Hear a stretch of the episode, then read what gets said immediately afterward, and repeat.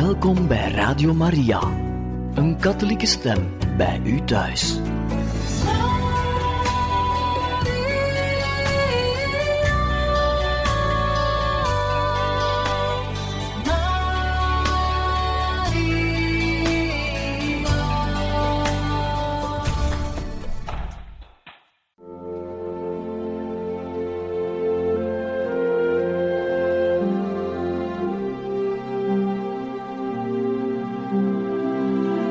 Beste luisteraars van Radio Maria, welkom bij het programma Catechismus. Een overweging bij de geloofschat van de kerk.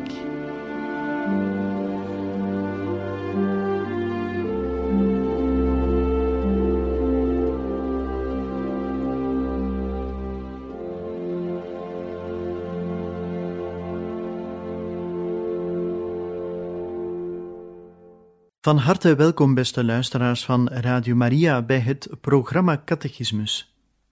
Vandaag luisteren we naar eerwaarde heer Pierre François in een reeks die zal gaan over de verschillende sacramenten.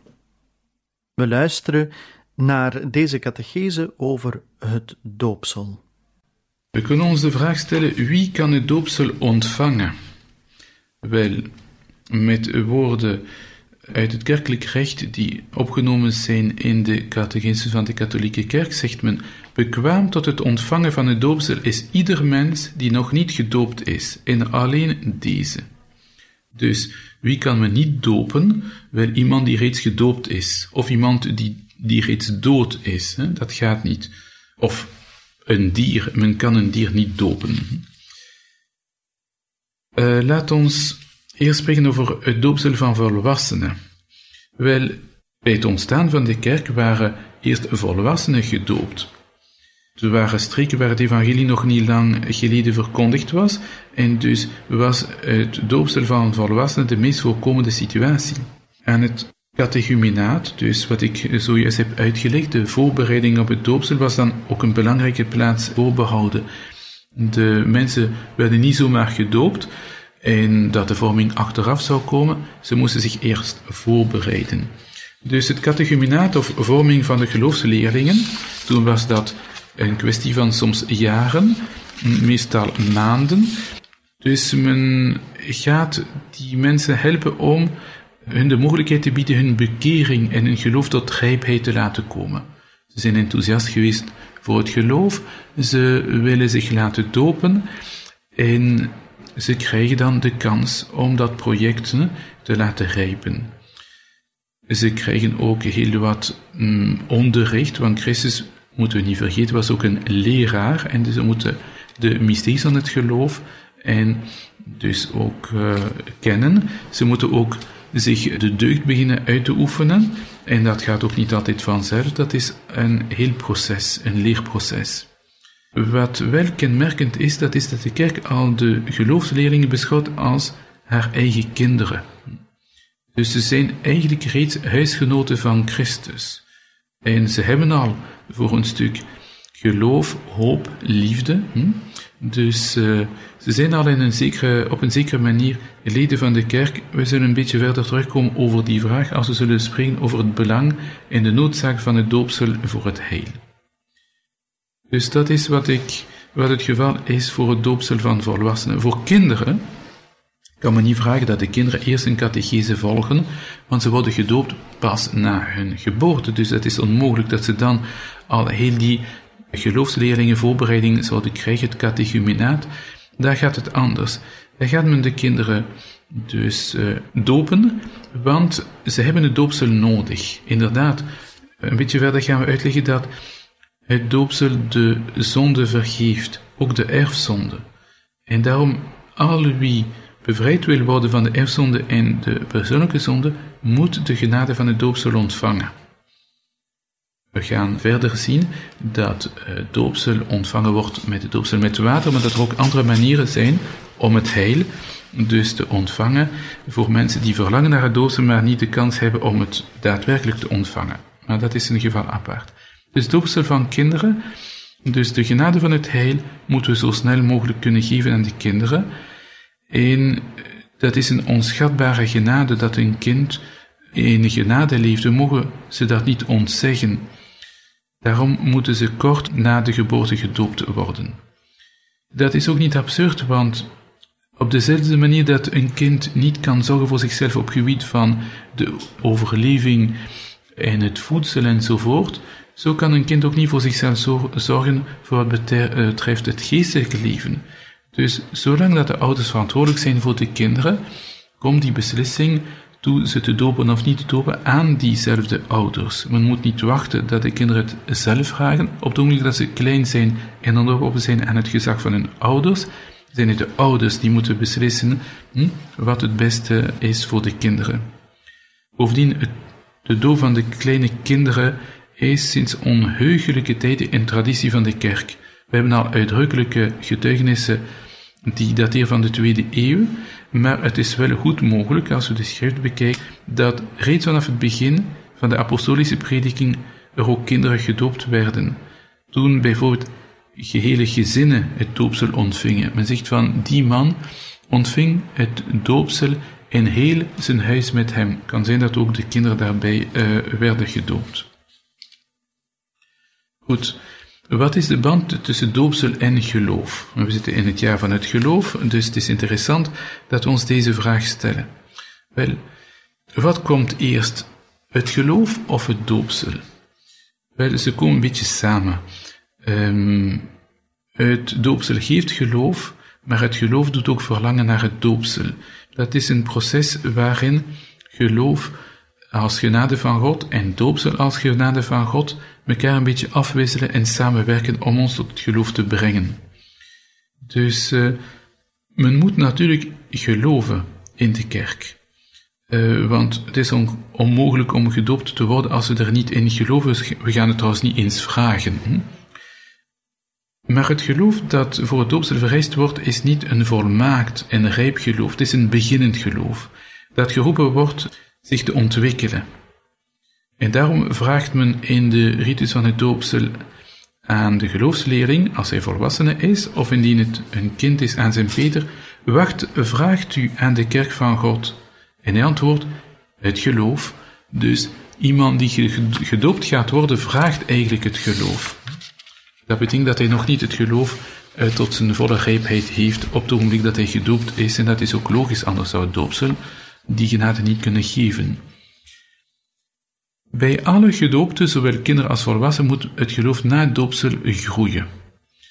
En dat is ook de betekenis van een heel bijzondere ritus die we één keer per jaar uitvoeren in de paasnacht. Dat is de vernieuwing van de doopbelofte. Dus de mensen krijgen de kans in de paasnacht om hun doopbelofte te hernieuwen. Ik heb gezegd wie mag gedoopt worden. Ik heb gezegd mensen die nog niet gedoopt zijn, hm, die de menselijke natuur hebben. Maar ik heb nog niet gezegd wie de bedienaars van het doopsel kunnen zijn. Wel, om het antwoord snel te geven, de gewone bedienaars uh, van het doopsel zijn de bisschop en de priester. De Latijnse kerk breidt dat uit ook naar de diaken. De Oosterse kerken niet, want in de Oosterse kerk wordt een kind dat gedoopt wordt ook gevormd. En dat kan alleen een priester doen. Wat moeten we doen in geval van nood? Ah, in geval van nood mag iedereen, dus ook leken, hè, zelfs mensen die niet gedoopt zijn, iedereen die de juiste intentie heeft, en dat is niet moeilijk, hij moet de intentie hebben te doen wat de kerk doet. Iemand die de intentie heeft dat te doen, kan geldig iemand dopen. En men moet dan de mensen dopen met water en de trinitaire doopformule die ik een beetje vroeger heb opgezegd.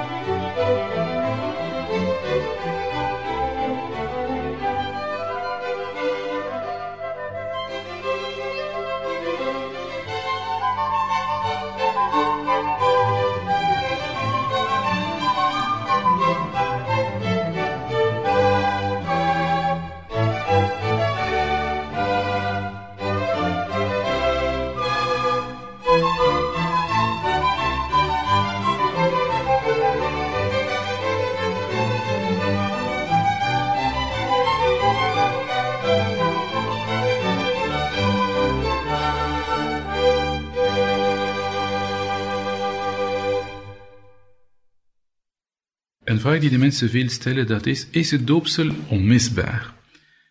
Het idee circuleert hè, sinds uh, vorige eeuw dat als we maar braaf zijn, of we nu gedoopt zijn of niet, hè, dat is allemaal hetzelfde. God is goed. Hè, dus is het doopsel eigenlijk niet, zeggen ze ten onrechte, is het doopsel eigenlijk niet echt uh, onmisbaar.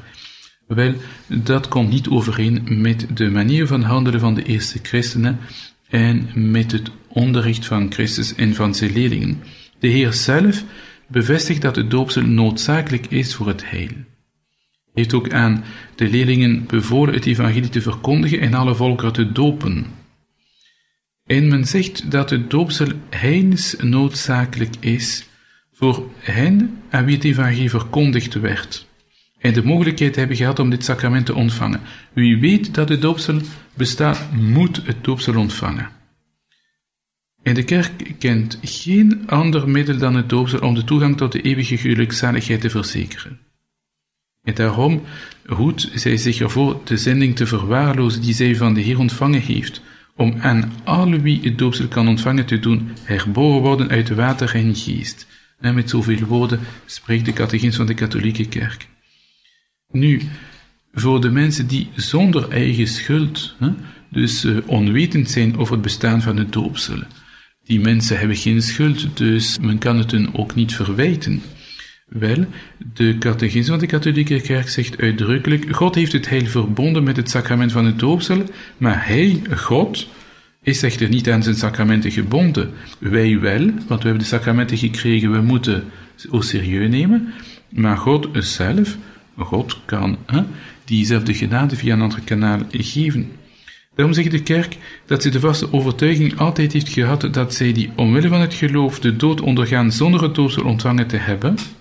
Iemand die uit moed en uit geloof zegt, hè, ik geloof in Christus, maar is niet gedoopt, en hij wordt gemarteld en hij sterft de marteldood, wel, die wordt gedoopt door zijn dood voor en met Christus.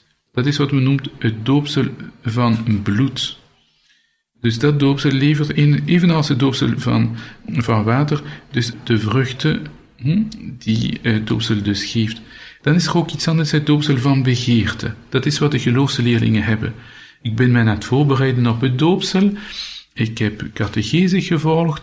Ik ben van plan mee te laten dopen. En door ziekte, door een ongeval, sterf ik voordat het zover gekomen is.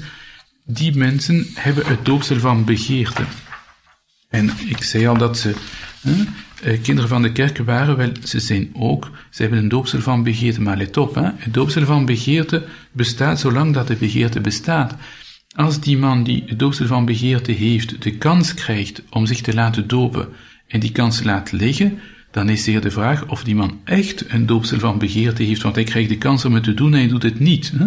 Dus doopsel van begeerte is echt wat de naam zegt, dat is een doopsel van begeerte. Hij moet begeren het, doopsel te krijgen. Dus uitdrukkelijk wordt gezegd dat geloofsleerlingen die sterven voordat ze het doopsel ontvangen hebben, dus het geldt uitdrukkelijk eh, dat een uitdrukkelijk verlangen om het doopsel te ontvangen, samen natuurlijk met berouw over hun zonde en liefde hè, tot God, dat dat hun heil verzekert. Hm? Dat ze niet hebben kunnen krijgen door middel van het sacramento, omdat er tijd tekort was. Hè? Dus God is niet onrechtvaardig, nooit vergeten. Goed, maar de mensen die nooit contact hebben gehad met de kerk, die niet weten dat er een doopsel bestaat, hm? of die het wel weten, maar het werd hun zo belachelijk gemaakt voor, voor hun ogen dat, dat ze moreel echt nooit kans hebben gehad om te denken, ja, dat is wat ik moet doen. Wel, Christus wil dat iedereen uh, gered wordt. Hij is ook gestorven voor iedereen. Dus iedereen die die kans zoekt om de wil van God te doen, kan zonder het evangelie van Christus en zijn kerk te kennen, hij doet de wil van God, hij zoekt de waarheid. Wel, men kan veronderstellen dat die mensen het doopsel uitdrukkelijk verlangd zouden hebben indien ze de noodzakelijkheid van de doopsel hadden gekend. Er zijn mensen die gewoon niet weten dat de doopsel noodzakelijk is, maar hadden ze geweten dat het noodzakelijk was, dan hadden ze zeker doopsel gevraagd. Die mensen kunnen natuurlijk ook hè, eh, binnenkomen in eh, dus de eeuwige zaligheid. Nu krijg ik heel dikwijls vragen van mensen die zeggen, wat moet ik dan denken van dit geval? Ik heb een kind en dat kind is gestorven, dus zonder, zonder het doopsel, hè? dus uh, bij miskraam of... De kerk vertrouwt die mensen toe aan de barmachtigheid van God. Wat wil dat zeggen? Heer, wij weten het niet, maar we, hè, we vertrouwen dat jij iets hebt voorbereid voor die uh, mensen en dat dat het beste is voor hen.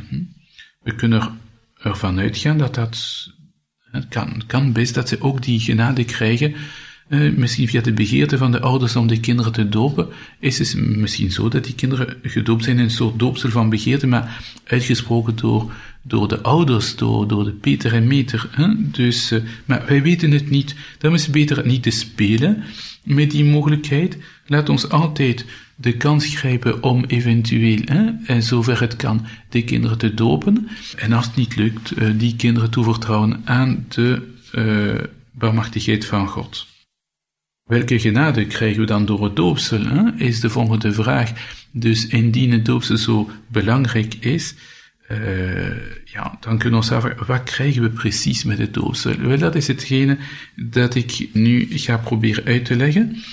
Wel, de twee voornaamste vruchten van het doopsel zijn de zuivering van de zonden en een nieuwe geboorte in de Heilige Geest.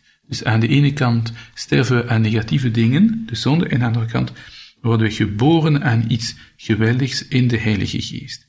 Ten eerste, de vergeving van de zonde. Wel, door het doopsel worden alle zonden vergeven. En dat betekent niet alleen de zonde die men begaan heeft, maar ook uh, de zonden, uh, zoals de erfzonde, dus die we niet persoonlijk hebben begaan, maar die zonde wordt ook uitgewist.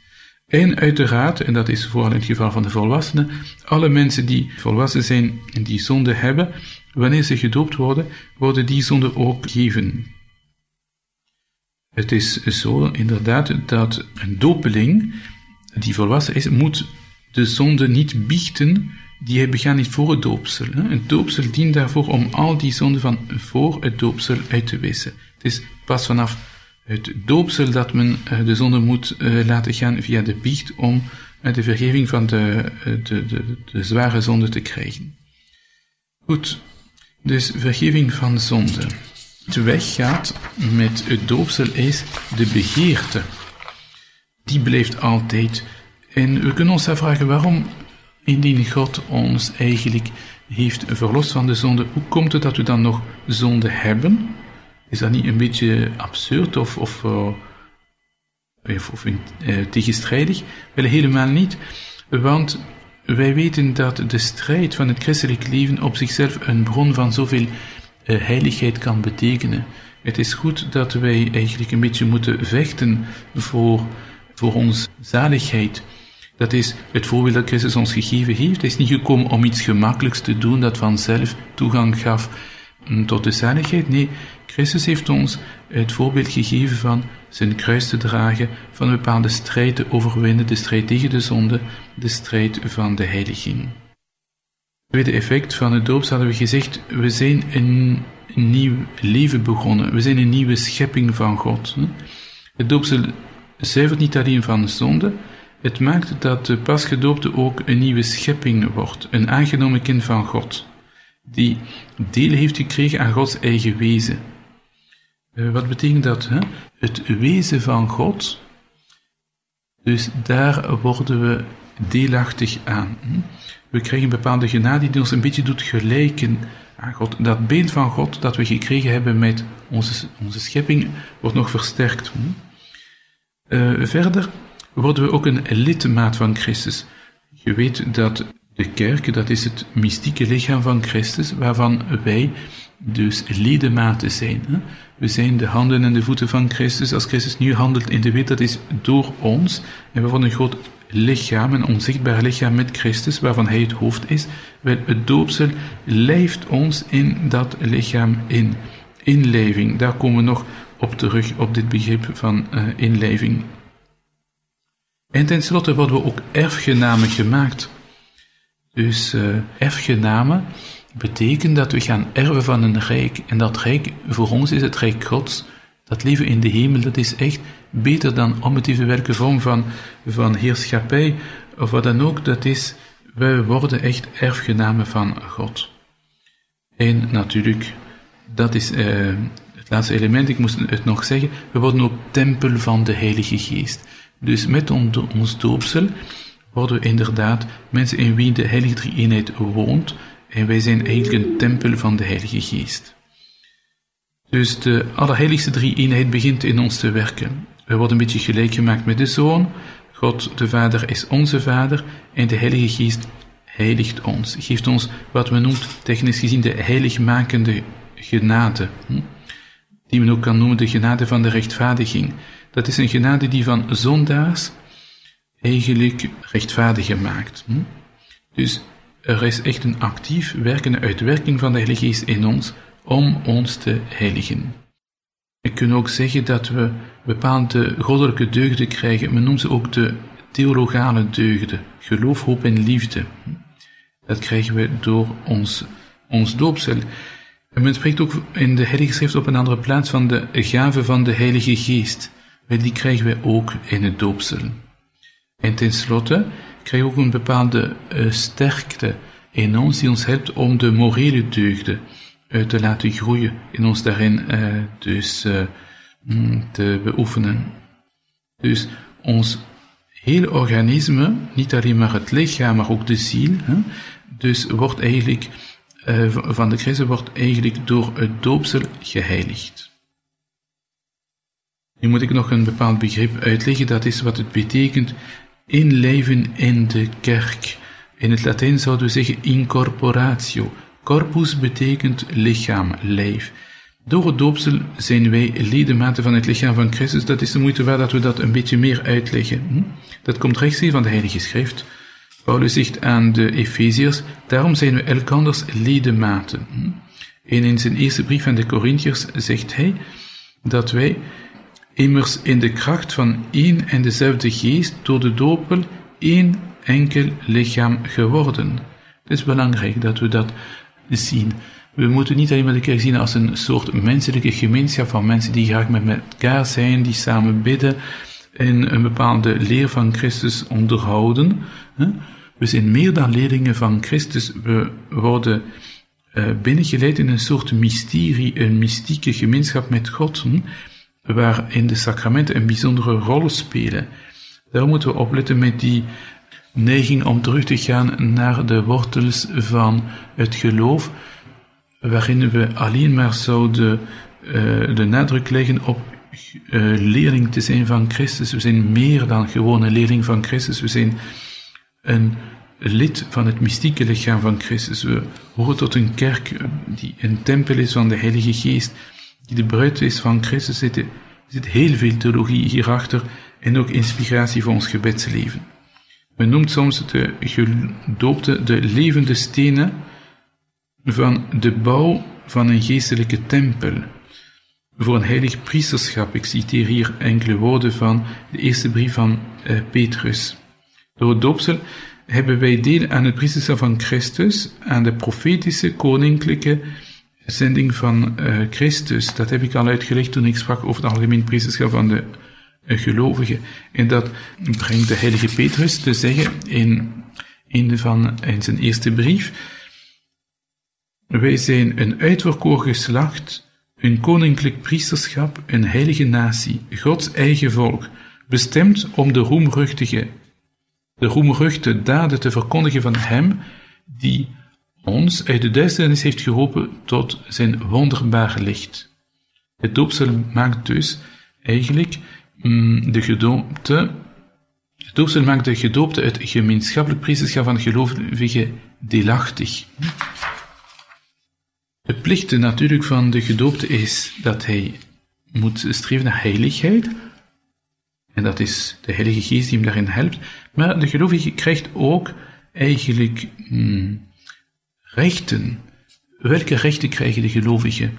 Wel concreet het recht om de sacramenten te ontvangen, het recht om gevoed te worden met het woord van God en steun te ondervinden van de andere geestelijke hulpmiddelen van de kerk.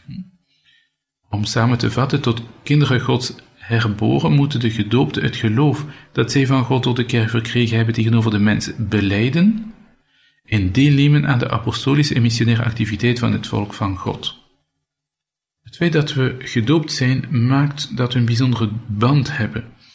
Wij weten dat er bepaalde mensen zijn die niet zichtbaar verenigd zijn met de kerk, maar toch een geldig doopsel hebben. Hm? Wel, die mensen zijn eigenlijk onzichtbaar, toch in de kerk van Christus, want het doopsel is ofwel het doopsel van Christus, ofwel is het niks. Iemand die gedoopt wordt met het doopsel van Christus, en dat kan toegediend worden door de intentie eh, te hebben om te doen wat de kerk doet, en dat hebben bepaalde mensen ook buiten de kerk. Wel, al die mensen die gedoopt zijn, ook al zijn ze niet rooms-katholiek, toch behoren ze tot die enige kerk van Christus. Hm? Ze hebben misschien niet alle elementen die, uh, waarin wij geloven dat, uh, dat de kerk bestaat, maar ze zijn wel met een band van eenheid met ons verbonden. Daarom hebben we ook een bepaalde plicht ten opzichte van die mensen die de kerk soms de gescheiden broeders noemt, want ze hebben het doopsel van Christus ontvangen en men moet ervoor zorgen dat zij ooit eens tot die volheid van de gemeenschap kunnen komen. Een gedoopte kan niet herdoopt worden. Waar komt dat vandaan? Eigenlijk omdat hij een onuitwisbaar geestelijk merkteken draagt. In het Latijn karakter. Hm? Dus uh, dat merkteken wordt door geen enkele zonde uitgewist.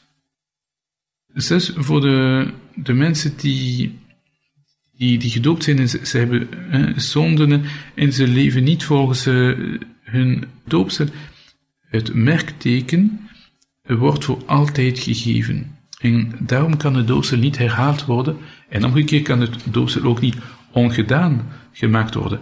Ook al is er iemand die door zijn leven hm, niet de voorwaarden heeft om de eeuwige eh, gelukzaligheid te krijgen, ontdopen kan niet, dat is onmogelijk omdat we dat merkteken hebben. Dus er zijn misschien mensen die een formulier willen invullen om afstand uh, te nemen van de kerk, maar dus uh, dat heeft geen enkele, geen enkele gevolg. Iemand die gedoopt is, is gedoopt voor altijd. Dus als iemand zoals die daad zou stellen, die uh, droevige en eigenlijk uh, niet wijze daad van zich te willen laten schrappen van de doopregisters, wat ook niet kan, dus dan moet die persoon er spijt van hebben en met uh, de biecht kan die persoon opnieuw opgenomen worden in de gemeenschap van de kerk, maar Herdopen hoeft nooit en is zelfs onmogelijk.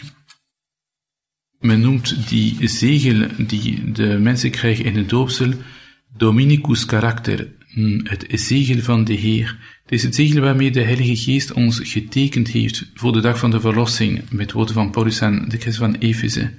Want inderdaad is het doopsel het zegel van eeuwig leven. Wat het doopsel geeft, zolang we trouw zijn aan de hm, belofte van ons doopsel, dan krijgen we toegang tot het eeuwige leven. Uit de catechisme van de katholieke kerk wil ik nog dit eh, citeren. Het zegel van het doopsel maakt het de christen mogelijk en verplicht hen ertoe God te dienen, door van harte aan de heilige liturgie van de kerk deel te nemen en een gemeenschappelijk priesterschap uit te oefenen, door het getuigenis van een heilig leven en daadwerkelijke liefde.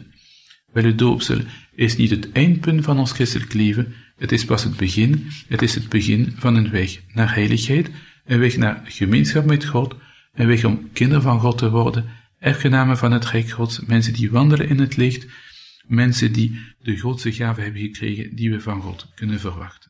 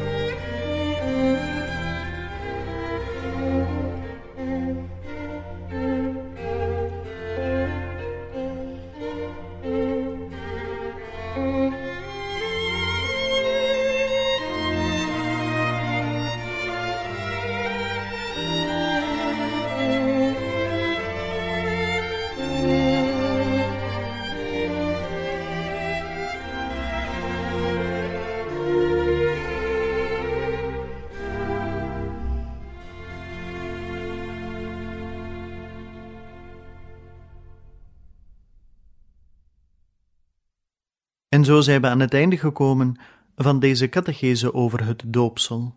Een volgende keer staan wij opnieuw bij een catechetisch thema stil. We hopen dan ook dat u er ook opnieuw wens bij te zijn. Van harte dank en nog een zeer fijne dag gewenst.